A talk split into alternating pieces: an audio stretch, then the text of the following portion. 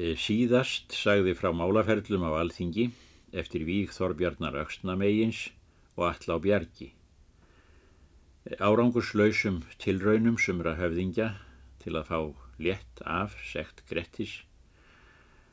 Þá voru frásagnir um veturvist Grettis á Reikhólum á samt þeim fóstbræðrum, Þorgeri Hávarsinni og Þormóði Kolbrúnarskaldi og loks sagt frá því er Grettir var tekinn sofandi í Vassfjörðardal við djúb og bundinn en eh, Þorbjörg hinn digra, kona héraðshöfðingjans, vermundar í Vassfjörði, bjargaði lífi hans. Vermundur var ófrýn er hann kom heim og spurði hví Grettir væri þar. Þorbjörg sagði allt sem farið hafði með þeim ísfyrðingum. Hvers nöyt hann að því, saði vermundur, er þú gafst honum líf? Margar greinir voru til þess, sagði Þorbjörg. Það fyrst, segir hún, að þú mynd þykja meiri höfðingjan áður, er þú áttir þá konu er slíkt þorð að gera. Þá myndi það og ætla hrefna frendkona hans að ég myndi eigi láta drepa hann. Það þið þriðja að hann er hinn mesti afreiksmaður í mörgum greinum. Vitur góna ertu, saði vermundur, í flestu og haf þökk fyrir.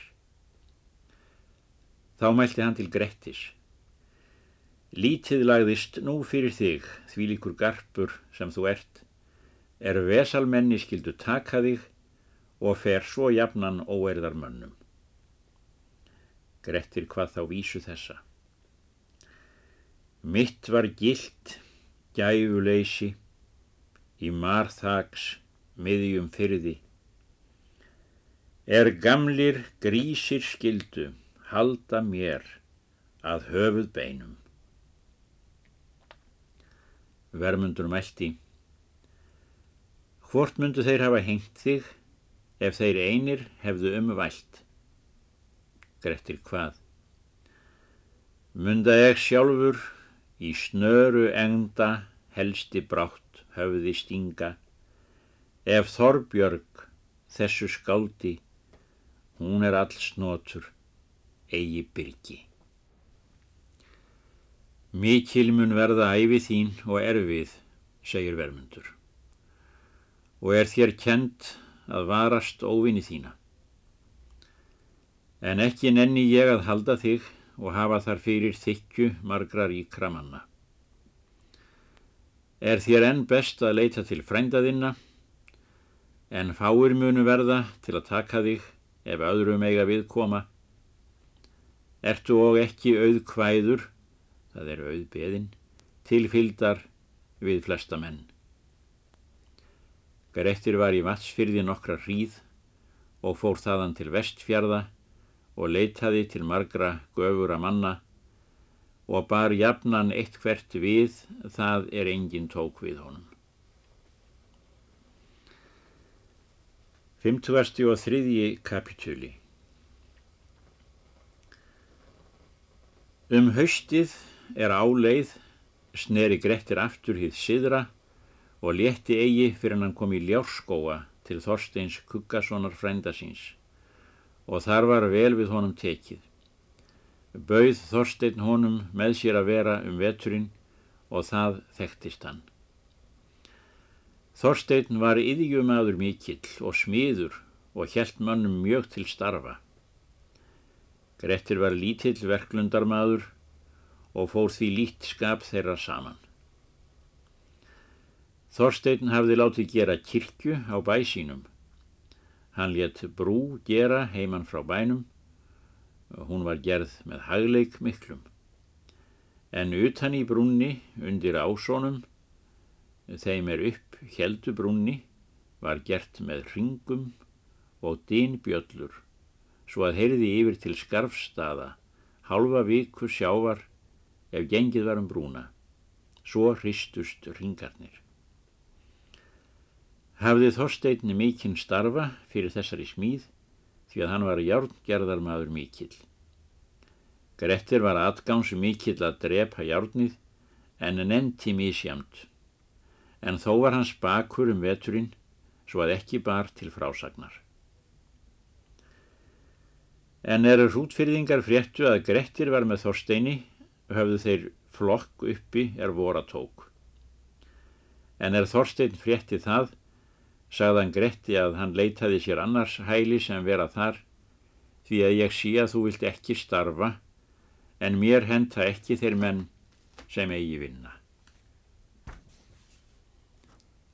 Hvert vísar þú mér þá, segir Grettir. Þorstein bað hann fara söður um land og finna frændur sína, en vitja mín ef þeir duga eigi þér. Grettir gerði nú svo að hann fór söður til borgarfjörðar á fund Gríms Þórhalssonar og dvaldist þar fram yfir þing. Grímur vísaði honum til skafta lögmanns á hjalla. Grettir fór söður hinnar neðri heiðar og létti eigi fyrir hann kom í tungu, það er bræðratungu, til Þórhals Áskrímssonar, Elliða Grímssonar og fór lít með byggðum Þórhallur kendist við Gretti sakir foreldra sinna og þá var Grettir nafnkunnugur mjög um allt land af atgjörfi sinni. Þórhallur var vitur maður og gerði vel til Grettis en ekki vildi hann vist hans þar á lengdar. 54. kapitúli Grettir fór úr tungu upp til Haukadals og þaðan norður á kjöl og hafðist þar við um sumarið lengi og var nú eigi tröst að hann tæki eigi af mönnum plögg sín, þeim sem fóru norður eða norðan um kjölinn, því að honum varð ílt til fjefhanga. Það var einn dag að Grettir var jafnan norður á Dúfunes skeiði að hann sá að maður reið norðan eftir kílinum, sá var mikill á baki og hafði góðan hest og beisl háseimt og vel turnað. Þetta lítur hvort tveggja að höfuðbúnaði beislisins, haus stórir naglar og turnmyndaðar upphekkanir. Annan hest hafði hann í taumi og á töskur. Þessi maður hafði síðan hatt á höfði og sást óglögt í andlitónum. Gretti leisti vel á hestin og þing hans og fór til mótsuð hann og heilsaði honum og spurði hann að nafni en hann hvaðst loftur heita. Veit ég hvað þú heitir, sagði hann Þú munt vera Grettir hinn sterkji ásmundarsson eða hvert viltu fara? Ekki hef ég staðnemt um það, saði Grettir, en uh, það er erindi mitt að vita ef þú vilti leggja nokkurt plagg af því sem þú ferð með. Loftur svarar, eh, hví mun ég fá þér það sem ég á? Eður hvað viltu við gefa? Grettir svarar, hefur þú eigi spurt það að ég legg ekki fjö í móti og sínist það þó flestum að ég fái það sem ég vil. Loftur mælti, bjóð þú þeim þessa kosti er þeir þykja góðir, en ekki vil ég svo láta það er ég á og fari hvorir sinn veg og reið fram hjá Gretti og keriði hestin. Grettir meldi. Ekki munum við svo skjótt skilja og þreyfi taumana á hesti lofts fyrir framann hendur honum og helt báðum höndum. Loftur meldi. Farð þú veg þinn, ekki færð þú af mér ef ég get áhaldið. Það mun nú reynd verða, segir Grettir. Loftur seildist niður með kinnleðrónum og tók taumana millir ringanna og handa Grettis, heimtandi svo fast að hendur Grettis hrukku nýður eftir taumunum, þar til sem hann dró af honum allt beislið. Grettir leit eftir í lófana og sá að þessi maður myndi hafa afl í krumum heldur en eigi og leit eftir honum og mælti. Eh, hvert allar þú að fara? Loftur svarar og hvað? Ætla ég regs í rímketil, steipi niður frá stórfrerum. Þar má hengur hitta grundar, lítinn stein og land nefa. Eftir vísun eða dæma virðist loftur ætla í helli niður frá falljöklum stórum, þar geti Grettir hitt Hallmönd. Grettir mælti. Egi er víst að leita eftir byggðum þínum ef þú segir eigi ljósara. Hann mælti þá og hvað. Er að mér dælt að dilja þig ef þú vill vitja þángað. Það er úr byggð borgfyrðinga, þar er balljökul, bragnar kalla. Síðan skildu þeir. Sér Grettir þá að hann hefur ekki afl við þessum manni. Þá hvað Grettir vísu. Þar hveðst hann meðal annars hafa verið fjarrri tjenaði bræðra sinna þegar hinn armi loftur strauk ólar úr hendi honum. Vildi hann sjaldan vera svo stattur. Eftir þetta fór Grettir söður af kílinum og reið til hjalla og fann skafta og beitti hann ásjár. Skafti svarar. Það er mér sagt að þú farir heldur óspaklega og grípir fyrir mönnum góss sitt og samir þér það illa svo stórættuðu manni. Nú væri allt betra um að tala ef þú ræntir eigi en með því að ég skal heita lögmaður í landinu þá stendur mér eigi að taka við útlegðarmönnum og bróta svo lögin. Ég vil að þú leitir þangað nokkur að þú þyrtir eigi að leggjast á fíemanna. Grettir hvaðst það gjarna vildu en sagði þó að hann þóttist varðla eitt saman meg að vera fyrir myrkvælni. Skafti hvað hann ekki því einu meg að við hlýta er honum þætti best og trúð þú engum svo vel að þér verði svo sem í vestfjörðum hefur það mörgum að bana orðið að hann hefur oft tryggur verið. Grettir þakkaði honum fyrir heilræði sín og sneri aftur til borgarfjörðar um haustið og fann Grím Þórhalsson vinsinn og sagði tillögur skafta. Grímur bað hann fara norðu til fiskivatna á Arnarvatnsheiði og svo gerði hann. 50. kapitúli Grettir fór upp á Arnarvarsheiði og gerði sér það skála sem enn sér merki og bjóst þar um því að hann vildi nú hvaðvetna annað en ræna. Fekk sér net og bát og veiti fiska til matar sér. Honum þótti döflegt mjög á fjallinu því að hann var mjög myrkvælin. En er það fréttu aðrir skóarmenn að Grettir var þar nýðurkomin Þá var mörgum hugur á að finna hann því að þeim þótti mikið tröst að honum. Grímur hétt maður norðlenskur. Hann var sekur. Að þeim manni keiftur útfyrðingar að hann skildi drepa Gretti og hétt honum frelsi og fjeggjöfum ef hann kæmi því fram. Hann fór til móts við Gretti og beitti hann viðtöku. Grettir svarar Egi þykir mér sem þér sé hólpnara, þó að þú væri hjá mér. Eru þér og vand sénir, skóarmennir, en ílt þætti mér einum saman að vera ef annars væri kostur. Vil ég og að sá einn sé hjá mér að hann verður að starfa slíkt er tilfellur. Grímur hvaðst eigi til annars ætla og skoraði á hann fast um vistina. Létt Grettir þá teljast og tók við honum. Hann var þar nú fram á veturinn og satt um Gretti og þótti eigi dælt að honum að ráða. Grettir grunaði hann og hafði vopn hjá sér nótt og dag og þorði hann aldrei að honum að ganga þá er hann vakti.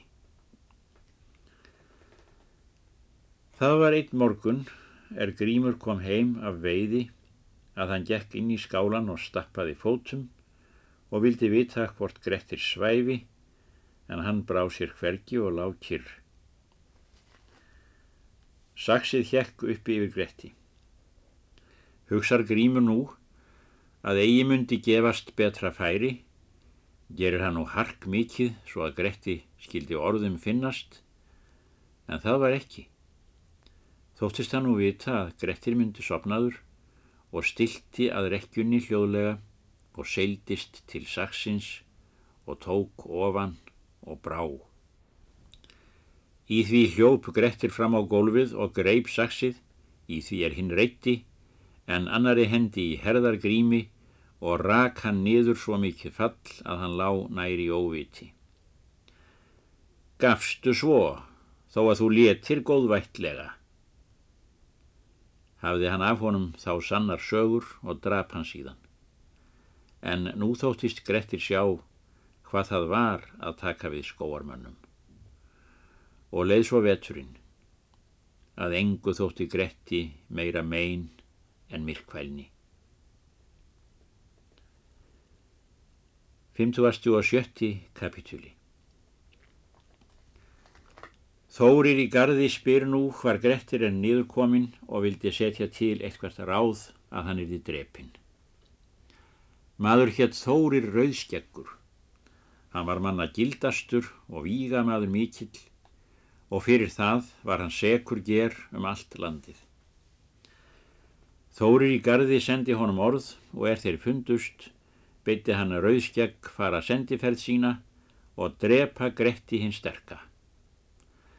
Rauðskjaggur hvað það eigi auðvelda verk. Sagði að Grettir var vitur maður og var um sig. Þórir bað hann til ráða og er slíkt drengilegt svo röskum manni sem þú ert, en ég skal koma þér úr sekt og þar með gefa þér nótt fjö. Við þessu ráði tók rauðskeggur. Sagði Þórir honum hversu hann skildi aðfara að vinna Gretti. Eftir það fór rauðskeggur fyrir sunnan land því að honum þótti gruna mega síður um ferði sínar. Hann kom á Arnarvats heiði þá er Grettir hafði verið þar einn vetur. En er Grettir og rauðskeggur fundust beitti hann Gretti veturtöku. Hann svarar. Egi kann ég að láta fleiri svo oft leika að mér sem sá er hér kom í fyrra haust og let all skjálkænlega, það er var tungumjúkur. En þegar hann hafði verið hér litla hríð, satt hann um líf mitt. Nú minn ég eigi á það hætta oftar að taka við skóarmannum. Þóri svarar. Full vorkun þykir mér þér á vera þó að þú trúir ídla sekum mönnum. En heirtmundu mín hafa getið um vígaferli og ójafnað, en aldrei um slíkt dáðleysi að svíkja lánardrottin minn. Nú er því ílt íllum að vera, að margur ætlar þar annan eftir vera, myndi ég og eigi hafa hingað farið ef ég ætti betri kosti en eigi þykir mér við uppgefnir fyrir flestum mönnum ef við veitum stað. Nú máttu hætta á við mig fyrst hversi þér gerst að mér. Lát mig þá fara í brott ef þú finnur ódigð með mér. Grettir svarar Hætta má ég enn á við þig en vit það fyrir víst Ef ég gruna um svík við þig, þá verður það þinn bani. Þórir bað hann svo gera. Eftir það tók Grettir við honum og fann hann það að hann myndi hafa tveggja manna megin til hvers sem hann gekk. Var hann búinn til hvers sem Grettir vildi senda hann. Til einskís þurfti Grettir að víkjast og aldrei hafði honum þótt æfi sín jafn góð síðan hann kom í útlegð. En þó var hann svo varum sig að aldrei sá Þórir færi á honum. Þórir Rauðskjaggur var tvo vetur hjá Gretti á heiðinni. Tók honum nú að leiðast á heiðinni að vera, hugsar nú um hvert ráð hann skal gera það sem Grettir eigi sægi við. Einan ótt um vorið kom á storm viðri mikið, er þeir voru í svefni. Grettir vaknaði og spurði hvar bátur þeirra væri.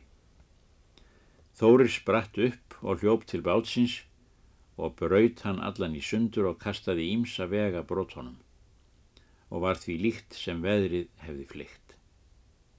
Eftir það gekk hann inn í skálan og mælti hátt.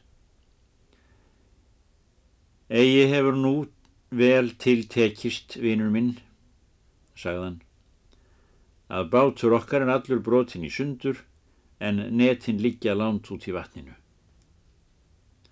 Sæk þú þau þá, sagði Grettir, því að mér þykir þér sjálfrátt verið hafa er báturinn er brotin.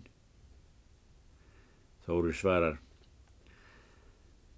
það er svo í atgjörfi að mér er minnst hend er sund er en flest annað þykist ég reyna meiga við hvern annan óþreyttan mann. Máttu það vita að ég hef eigi þér starf ætlað síðan ég kom til þín, myndi ég eigi byggja þessa ef ég væri til fær að gera. Grettir stóð upp og tók vopn sín og gekk til vatsins. Þar var svo við vaksið að nes gekk fram í vatnið en víkur hvarf mikið var öðru megin nessins. Vatnið var djúft að landinu og hafði leikið undir bakkanum svo að holdt var með. Grettir meldi. Legst út eftir netjónum og lát mig sjá hversu fær maður þú ert.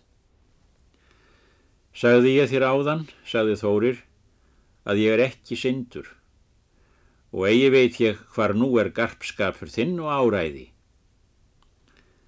Ná má ég netjónum, saði Grettir, en svík þú mig ekki er ég trúið þér. Þóru svarar, ætla þú mér eigi slíka svívirðing og dáðleysi. Grettir meldi, þú munt sjálfur gefa þér raun hverðu ert. Síðan kastaði hann klæðunum og vopnunum og lagðist eftir netjónum, sveipar hann þeim saman og fer að landi og kastar þeim upp á bakkan. Og er hann ætlaði á landað ganga, þá greip Þórir saksið og brá skjótt. Hann hljóf þá skjótt á móti Gretti, er hann stíð upp á bakkan og hjóð til hans. Grettir kastaði sér á baka aftur ofan í vatnið og sökk sem steinn. Þórir horði út á vatnið og ætlaði að verja landið ef hann kæmi upp. Kafaði Grettir nú sem næst bakkanum svo að Þórir mátti ekki sjá hann. Þar til að hann kom í víkina að baki honum og gekk þar á land. Við þessu gatt Þórir eigi séð.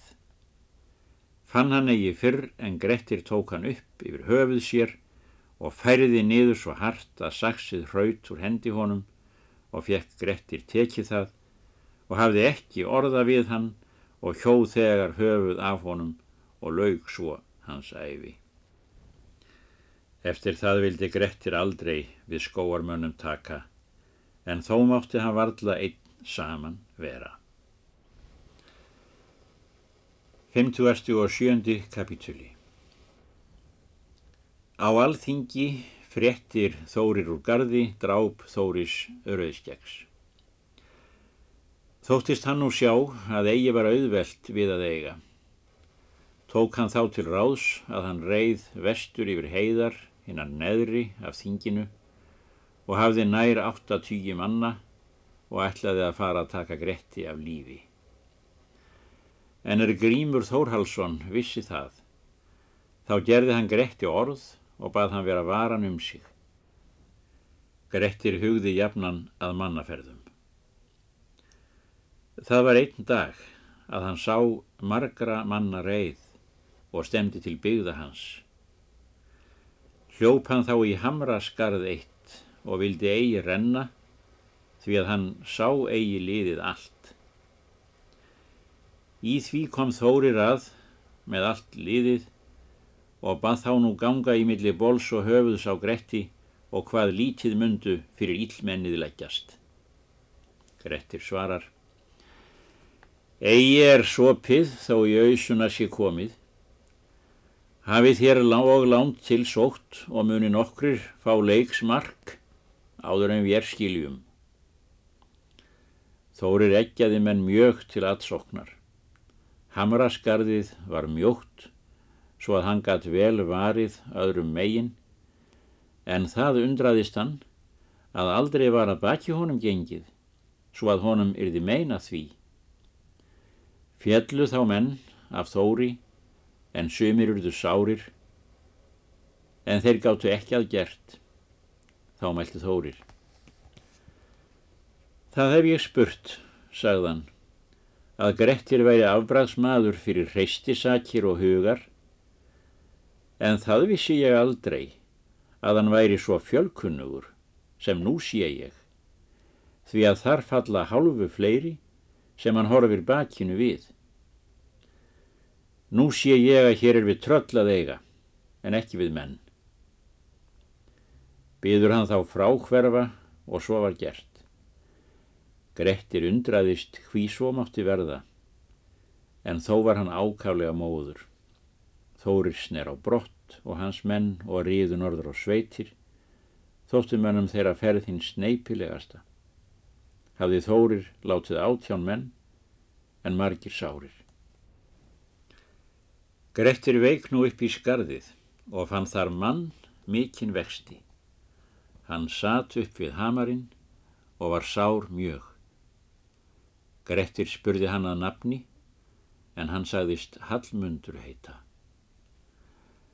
En það má ég segja þér til kenningar að þér þótti ég fast taka í taumana á kíljum sumarið er við fundumst.